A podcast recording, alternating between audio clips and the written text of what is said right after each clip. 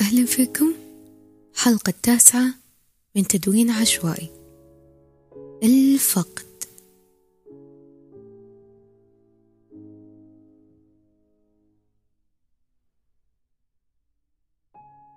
كل إنسان فينا جرب الفقد. شخص عزيز شيء غالي أو فقد حتى نفسه سواء بوفاة أو ضياع أو حتى شوق. لشخص حاضر.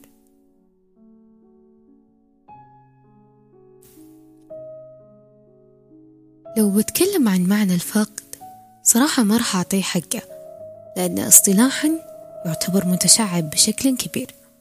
من وجهة نظري الفقد هو الشعور الذي يقتص من عافيتنا يأخذ جزءا كبير منا يبقينا مثل طفل دون أمه.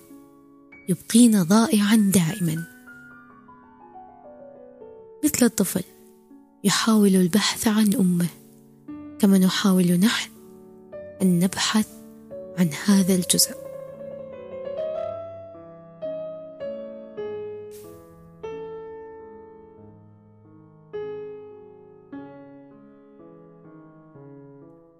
في مقال لمجلة الشروق للدكتورة هناء أبو الغار بعنوان الفقد والحزن وأتباعه كانت تتكلم عن مراحل الصدمة وكيف كانت تمر. كانت تقول عندما نواجه بالصدمة تخيل عقلنا أنه لم يحدث وأنه كابوس سنستيقظ منه أو نفقد الإحساس عموما فلا نتفاعل مع الحدث. وقد ننظر إليه من خارج أذهاننا وكأننا نشاهد فيلم لا يعنينا ولسنا ظرافا فيه. العقل يفعل هذا ليحمينا من ألم غير محتمل.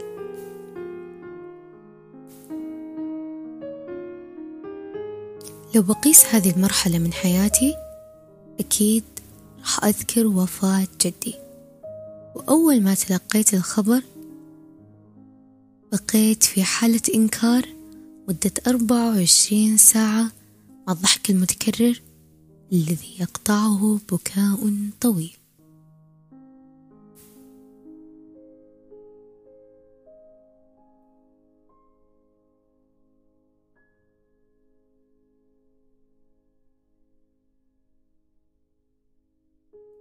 المرحلة الثانية هي الغضب.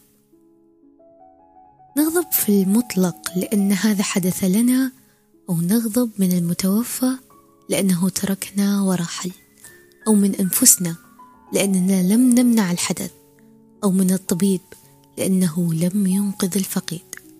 الغضب معناه أننا بدأنا أن نستوعب الحدث واستيعابنا أننا فاقدو القدرة على تغييره مؤلم. فنغرق في موجة من المشاعر غير المنطقة. فعلا جاني هذا الغضب. ليش ما ودعنا؟ ليش صار لي أنا تحديدا؟ ليش ما كمل؟ أنا عارفة أن جميعها أسئلة غير منطقية ولكن في لحظة الغضب لا يفرق لا منطق ولا عقل ولا حتى خيال.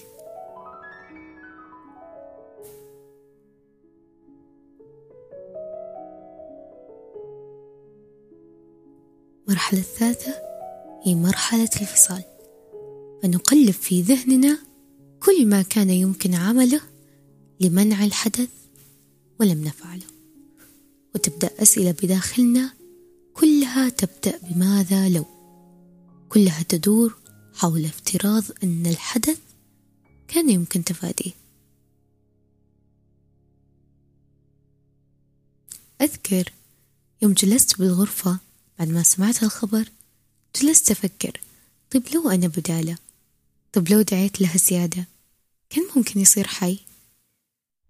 طول هالوقت هذه الأسئلة كانت في عقلي لدرجة أني انفصلت عن الواقع جزئيا وكنت أرد على تعزيات الناس وأنا مو في عقلي أبدا.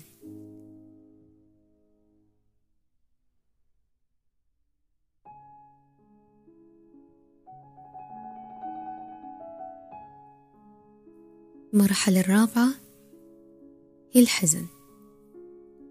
وهو يأتي مع الإدراك الحقيقي للواقع وأنه لن يتغير.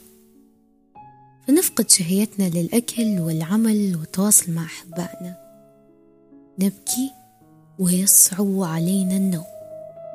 وقد يصاحب هذا أحاسيس بالوحدة والذنب. قد يصحبها ندم على كلمة لم نقلها أو مشاعر لم نظهرها أو خوف وقلق على سلامة أحبائنا أو حتى على أنفسنا. وكثير ما يصاحبها من الأعراض الجانبية مثل الغثيان والقيء ونقص المناعة. فنمرض كثيرا ونفقد الوزن أو يزيد بشكل غير صحي. وقد نعاني من آلام متفرقة بالجسم. صراحة في يوم عزا جدي أذكر كنت أمشي وأتكلم بدون نفس. آكل كأني ما آكل شيء. كل الدنيا أصبحت بلا طعم يعني لون واحد. إلى أن عانقتني قريبتي جاتني الشهقة لأني بديت أدرك أنا وين وليش أنا هنا. آخ قديش هذا الشعور مؤلم من داخل.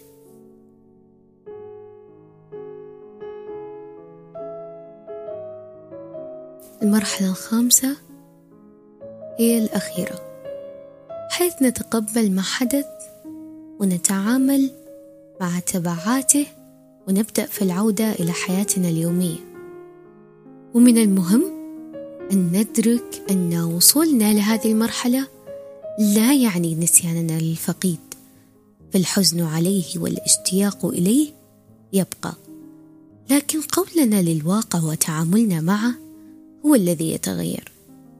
وقد نعود لنعيش رحلة الحزن نفسها ما بين مراحلها الخمس على فترات أقصر لسنوات مع أحداث تعيد ذكراها مثل الأعياد والمناسبات المرتبطة بالحدث. أذكر يوم رجعت للدوام وما كنت أبين أي شيء. أضحك مبتسمة بشوشة. لأن الصدق ما تعودت أكون حزينة أو أكون عند الناس أني أبين مشاعر الحزن. جت كلمة من زميلة في ذاك الوقت. للعلم زميلتي يعني ما بيني وبينها أي مشكلة كانت مجرد زلة لسان.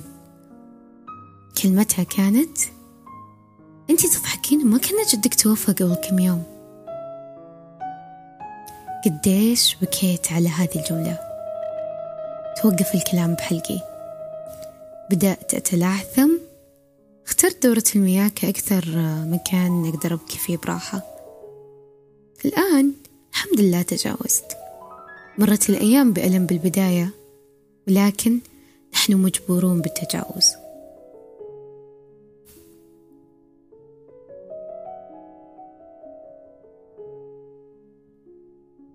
تمر دوامة الحياة وتستمر أنت مجبور؟ تتقبل الفقد. صدقني أنا من الأشخاص اللي يفهمون مرارته. أنت مجبور ولست مخير. أنا أعتذر أنك مريت بهذا الشيء. ولكن صدقني أن جميعنا مشينا بنفس الطريق. جميعنا مستمرين. تذكروا؟ الحياة فانية. لا تقضيها بحزن. أشخاص راحوا من أغلى ما في قلوبنا ولكن ما باليد حيلة.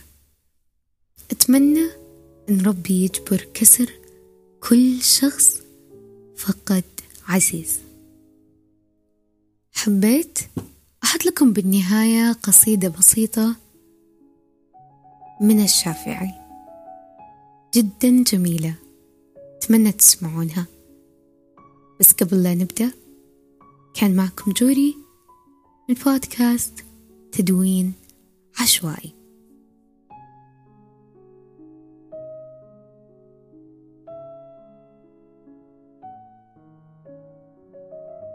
دع الأيام تفعل ما تشاء. وطب نفسا إذا حكم القضاء. ولا تجزع لنازلة الليالي. فما لحوادث الدنيا بقاء. وكن رجلا على الأهوال جلدا. وشيمتك السماحة والوفاء. وإن كثرت عيوبك في البرايا وسرك أن يكون لها غطاء. تستر بالسخاء فكل عيب. يغطيه كما قيل السخاء. ولا تر للأعادي قط ذلا. فإن شماتة الأعدى بلاء. ولا ترجو السماحة من بخيل. فما في النار للظمآن ماء. ورزقك ليس ينقصه التأني. وليس يزيد في الرزق العناء. ولا حزن يدوم ولا سرور. ولا بؤس عليك ولا رخاء. ومن نزلت بساحته المنايا فلا أرض تقيه ولا سماء. وأرض الله واسعة ولكن إذا نزل القضاء ضاق الفضاء. دع الأيام تغدر كل حين. فما يغني عن الموت الدواء.